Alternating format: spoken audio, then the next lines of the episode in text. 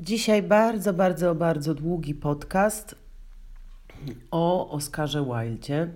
I to jest tak, że ja y, uczę i sama siebie uczę i uczę osób, z którymi pracuję, umiejętności DBT, czyli terapii dialektyczno-behawioralnej, ale jednak y, bardzo fascynuje mnie, fascynowała i fascynuje wciąż teoria Karla Gustawa Junga, który mm, jest idealny do wyjaśniania różnych zachowań. Może niekoniecznie do ich zmiany, ale jego teorie zgrabnie tłumaczą e, przeróżne dziwne koleje mm, życia ludzi, w tym Oscara Wilda, którego życie jest zupełnie zadziwiające.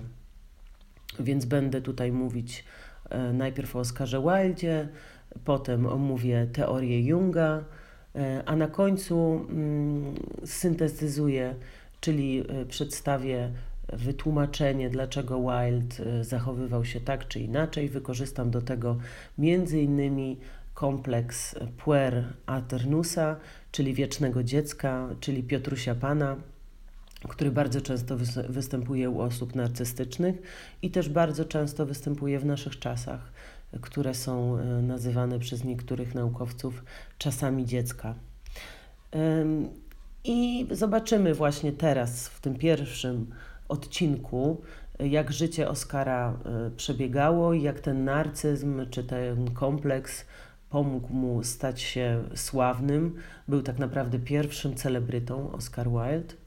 Osiągnął niesamowity sukces, e, był podziwiany przez najwyższe klasy społeczne, obracał się też wśród tych najwyższych klas, właśnie dlatego, że był taki popularny, ale potem coś się stało i Wilde mimo że mogło to inaczej się potoczyć, upadł bardzo, bardzo nisko, stracił e, całe poważanie, jakie miał, cały zachwyt e, społeczeństwa tamtego i wylądował w więzieniu, mimo że mógł uciec. No, a po więzieniu stał się wygnańcem zgorzkniałym, e, który nadużywał alkoholu i praktycznie już nic nie napisał. Więc jest to zadziwiające. I jest to bardzo długa y, praca i te podcasty też y, w związku z tym będą długie i zupełnie odbiegające od tego, co, co zwykle na blogu jest. Więc y, naprawdę zrobicie mi ogromną przyjemność, jeśli napiszecie do mnie maila, albo napiszecie na Facebooku, albo wypełnicie ankietę na blogu Emocje i dacie mi znać, albo w komentarzach dacie mi znać, czy takie formy również Wam odpowiadają, bo tego bloga piszę dla Was, więc bardzo ważne jest dla mnie to, co Wy myślicie o tym, co tam się pojawia. Obiecałam, e, na blogu obiecałam, że nie wpłynie to na częstotliwość pojawiania się takich normalnych wpisów, ale już widzę, że wpłynęło, dlatego że przecież staram się zawsze publikować w poniedziałek, a teraz no, pojawił się ten Wild i Jung i nie było mm, nowych wpisów tych typowych, ale obiecuję, że postaram się to jak najszybciej nadrobić. Ok, przechodzimy w takim razie do e, życia Oscara Wilda, który był pierwszym celebrytą. Jak mówił często, nie mam nic do oclenia za wyjątkiem swojego talentu. Tak mówił o sobie, kiedy przyjechał do Stanów Zjednoczonych. Ale zacznijmy od początku. E, pracę było trudno napisać, bo Oscar Wilde już za życia stał się legendą. Mm, mówiono o nim bardzo różne dziwne rzeczy, na przykład, że spacerował po Piccadilly trzymając lilię w dłoni, natomiast on parę lat później powiedział: Na to mógłby zdobyć się każdy. Ja dokonałem innej rzeczy, wielkiej i trudnej. Wmówiłem całemu światu, że to zrobiłem. No właśnie, Oscar Wilde stworzył sam siebie tak naprawdę. Przyjął taki wizerunek barwnego, delikatnego estety. I tak naprawdę stworzenie tego wizerunku było tak skuteczne, że zanim jeszcze osiągnął jakiś prawdziwy sukces, zanim cokolwiek napisał e, znanego, to był już zatrudniony w Stanach Zjednoczonych, żeby odbyć tam tournée. Później będę jeszcze mówić dokładnie, jak to się stało. W każdym razie było to zanim napisał swoje sławne sztuki, zanim napisał portret Doriana Greya. tak dobrze się wypromował, że w Stanach Zjednoczonych zatrudniono go do takich odczytów. No i właśnie wtedy, gdy dotarł mm, do amerykańskiej ziemi, na, na granicy stwierdził: Nie mam nic do oclenia za wyjątkiem swojego talentu. No, Wilde był osobą wielowymiarową. Można by powiedzieć, że był pa, sam paradoksem. Tak lubił paradoksy tworzyć w swoich cytatach, a sam był paradoksem. Był protestantem, który jednak no, interesował się katolicyzmem, był żonatym homoseksualistą. Kwestia homoseksualizmu będzie jeszcze wyjaśniana. E, w tamtych czasach wiktoriańskich było to coś e, uważanego za bardzo złe. Był wirtuozem słowa, który przyznawał, że pisanie go nudzi. Był anglo-frankofilem, ale jego serce było celtyckie. Kochał wszelkie maski i pozy, no co dodatkowo komplikuje jakąś analizę jego, prawda? Bo nie wiadomo, co jest prawdą, a co tylko udawaniem.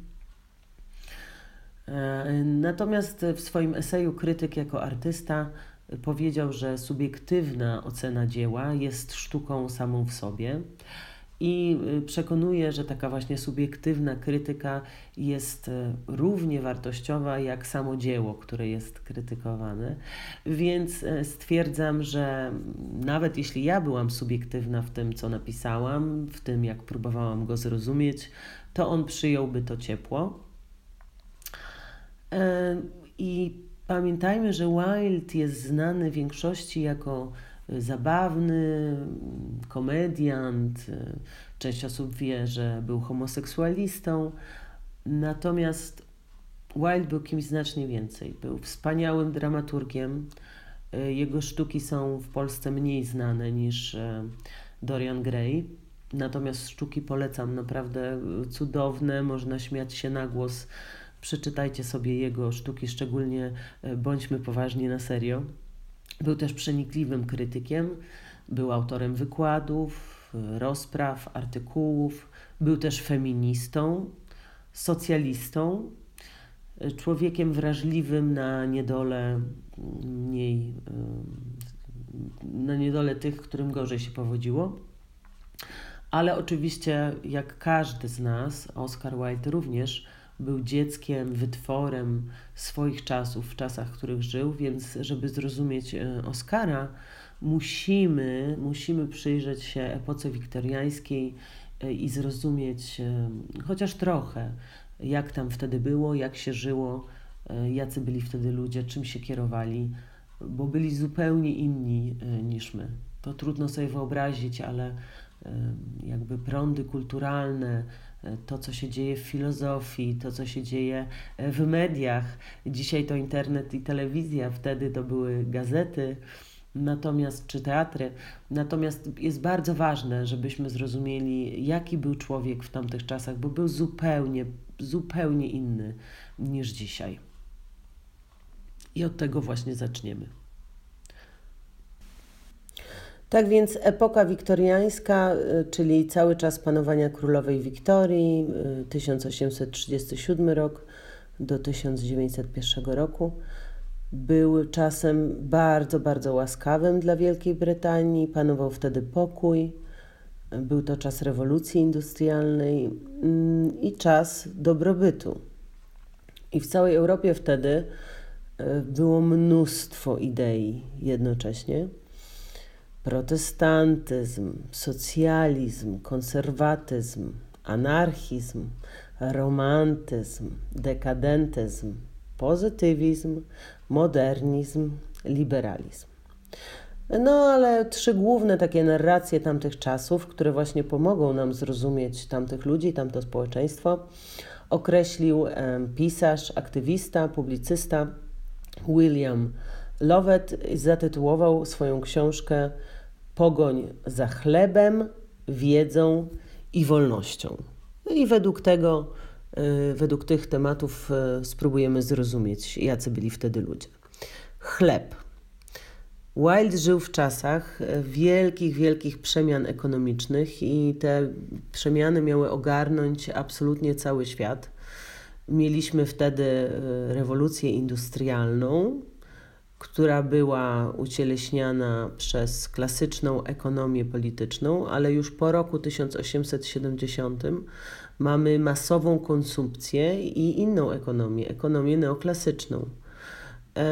Klasyczna ekonomia polityczna była też wspierana przez kultur, kulturę, bo tak zwykle się dzieje, była wspierana przez powieść industrialną w kulturze, a duchowo przez protestantyzm, prawda? Czyli ważne było to, co musimy wiedzieć, to po prostu e, wartości, jakie były ważne, czyli produktywne życie, współpraca, oszczędność, wszystko po to, żeby stymulować produkcję dóbr. Tak to było w rewolucji industrialnej na początku. Ale potem, kiedy już ten industrializm osiadł, dojrzał, to inne rzeczy stały się ważne. Ważniejsze od produkcji była konsumpcja tych wszystkich dóbr, które są e, produkowane. I również e, pojawił się czas wolny, prywatność, subiektywność, wybór My sobie nie zdajemy sprawy, ale właśnie te rzeczy są zależne od y, kultury naszej, w której żyjemy i właśnie chociażby od tego, jak rynek funkcjonuje. Dlatego, że wtedy właśnie dzięki rewolucji industrialnej, dzięki maszynom pojawił się pierwszy moment w nowożytnych dziejach ludzkości w ogóle, kiedy ludzie zaczęli mieć czas wolny Wcześniej praktycznie nie było czegoś takiego na szeroką skalę. Tylko bogaci ludzie, tylko arystokracja mogła sobie pozwolić na, na rozrywkę, a tutaj w tym momencie rozrywka stała się dostępna dla mas. Sport, teatr, prasa, popularna literatura. Dopiero wtedy e, ludzie e, wszyscy mogli z tego korzystać. I co widać, bo rynek odpowiedział, w połowie XIX wieku zaczęto drukować penny dreadfuls, czyli e, takie sensacyjne, straszne, dreadful oznacza właśnie straszne, powieści w takich tygodniowych odcinkach e, i można je było kupić za jednego pensa, penny, dlatego penny dreadfuls, prawda? Penny to pence, a dreadfuls straszne. E, no i najbiedniejsi ludzie organizowali sobie kluby, gdzie wymieniali się tą literaturą, e, czyli e, mogli czytać różne odcinki. Mm, wiele osób czytało jeden, jeden odcinek, jedno wydanie tej, tej gazety. I w tych wszystkich przemianach powstał też nowy człowiek.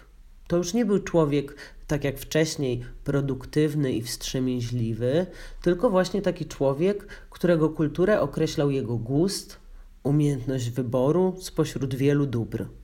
I na tym właśnie tle powstał ruch estetyczny, który tworzył tego nowoczesnego człowieka.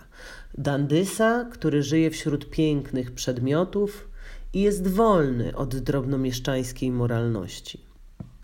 Natomiast Wilde w swoich pracach y, łączy jeszcze obydwa nurty. I właśnie z jednej strony wierzy, że postęp położy kres biedzie, wyzwoli człowieka z jego wszelkich ograniczeń, a z drugiej strony buduje właśnie obraz takiego dandysa, y, którego indywidualność y, powstaje z jego wyborów, preferencji i namiętności.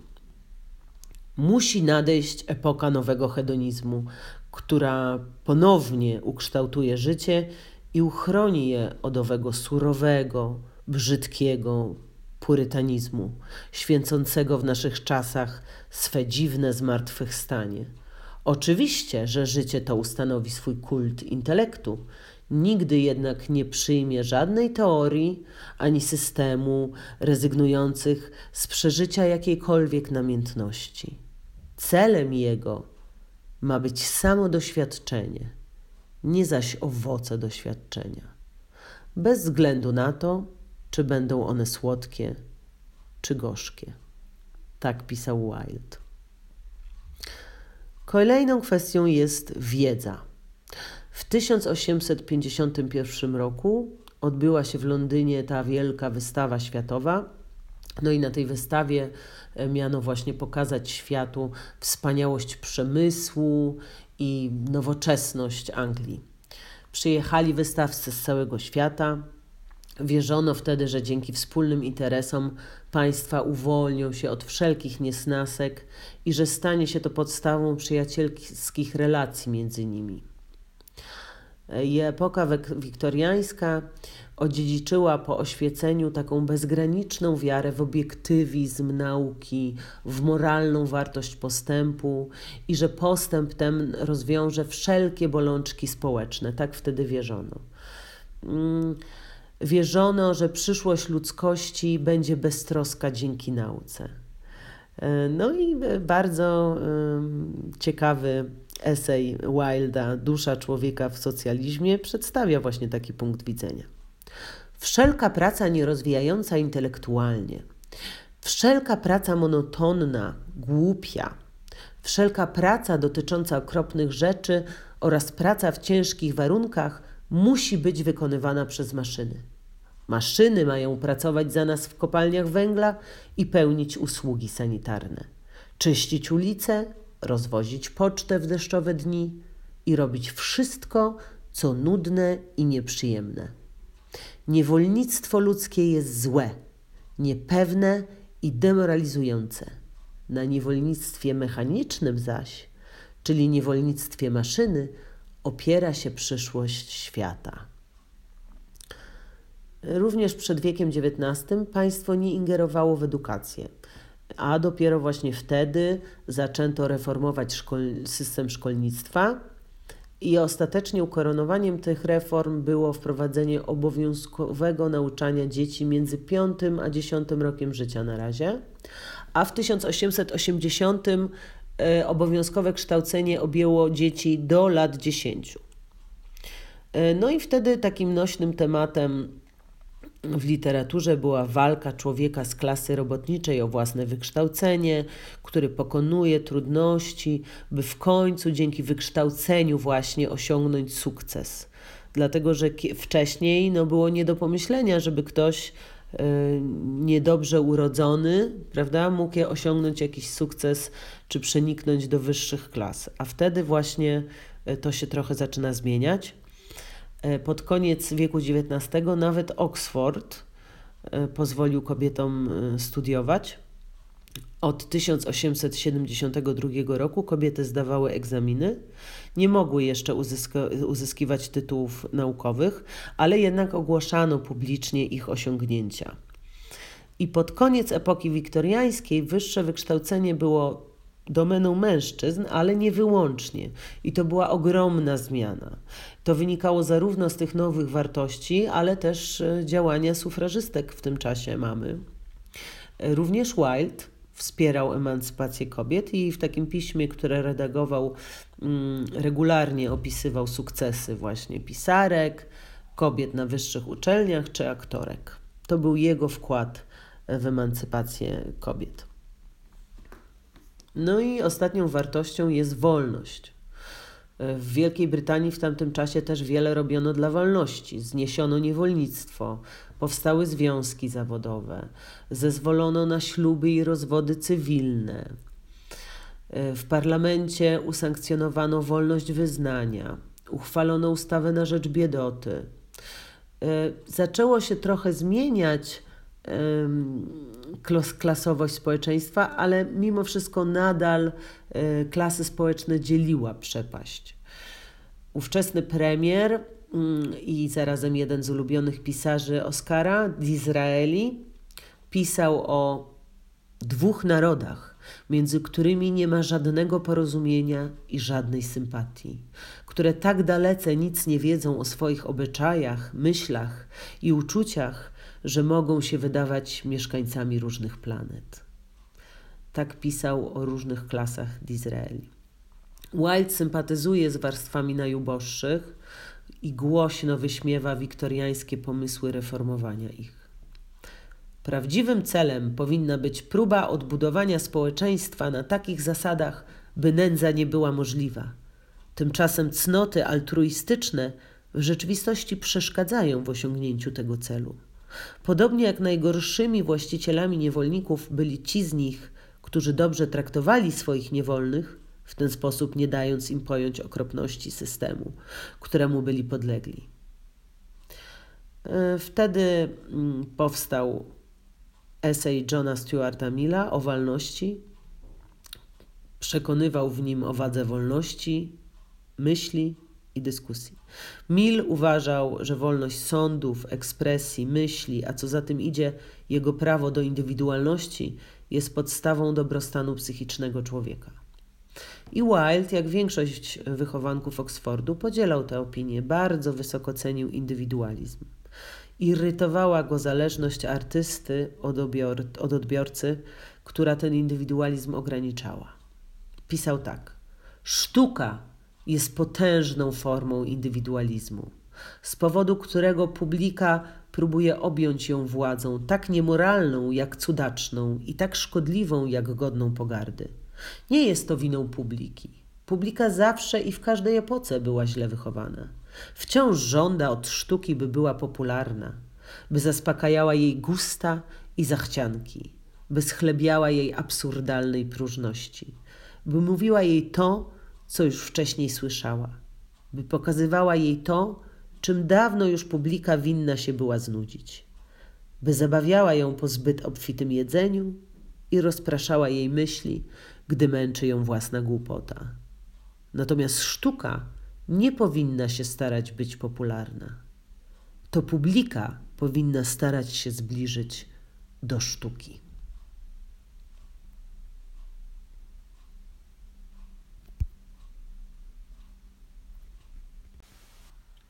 Estetyzm i dekadencyzm. Wszyscy znani twórcy tego ruchu estetycznego, czyli Raskin, Morris i Wilde, byli też krytykami XIX-wiecznego społeczeństwa i polityki.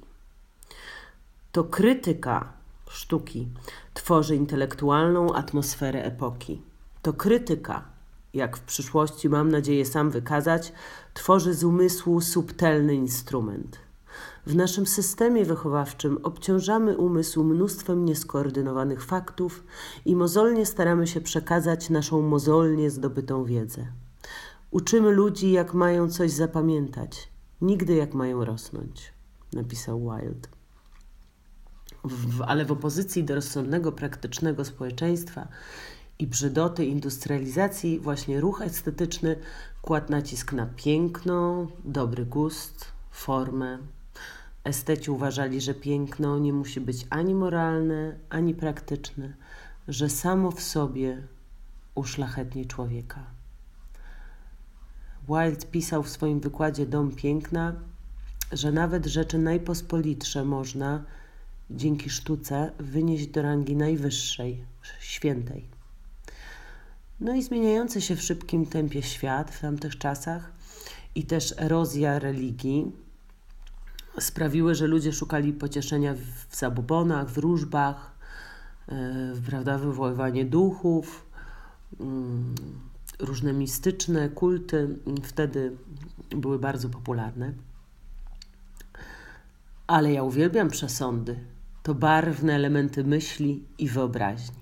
To przeciwnicy zdrowego rozsądku. Zdrowy rozsądek to wróg romantyczności. Proszę nam zostawić trochę nierzeczywistości. Proszę nie robić z nas zbyt agresywnie zdrownych na umyśle. Tak napisał Wilde. Z czasem początkowy romantyzm epoki wynaturzył się w dekadentyzm.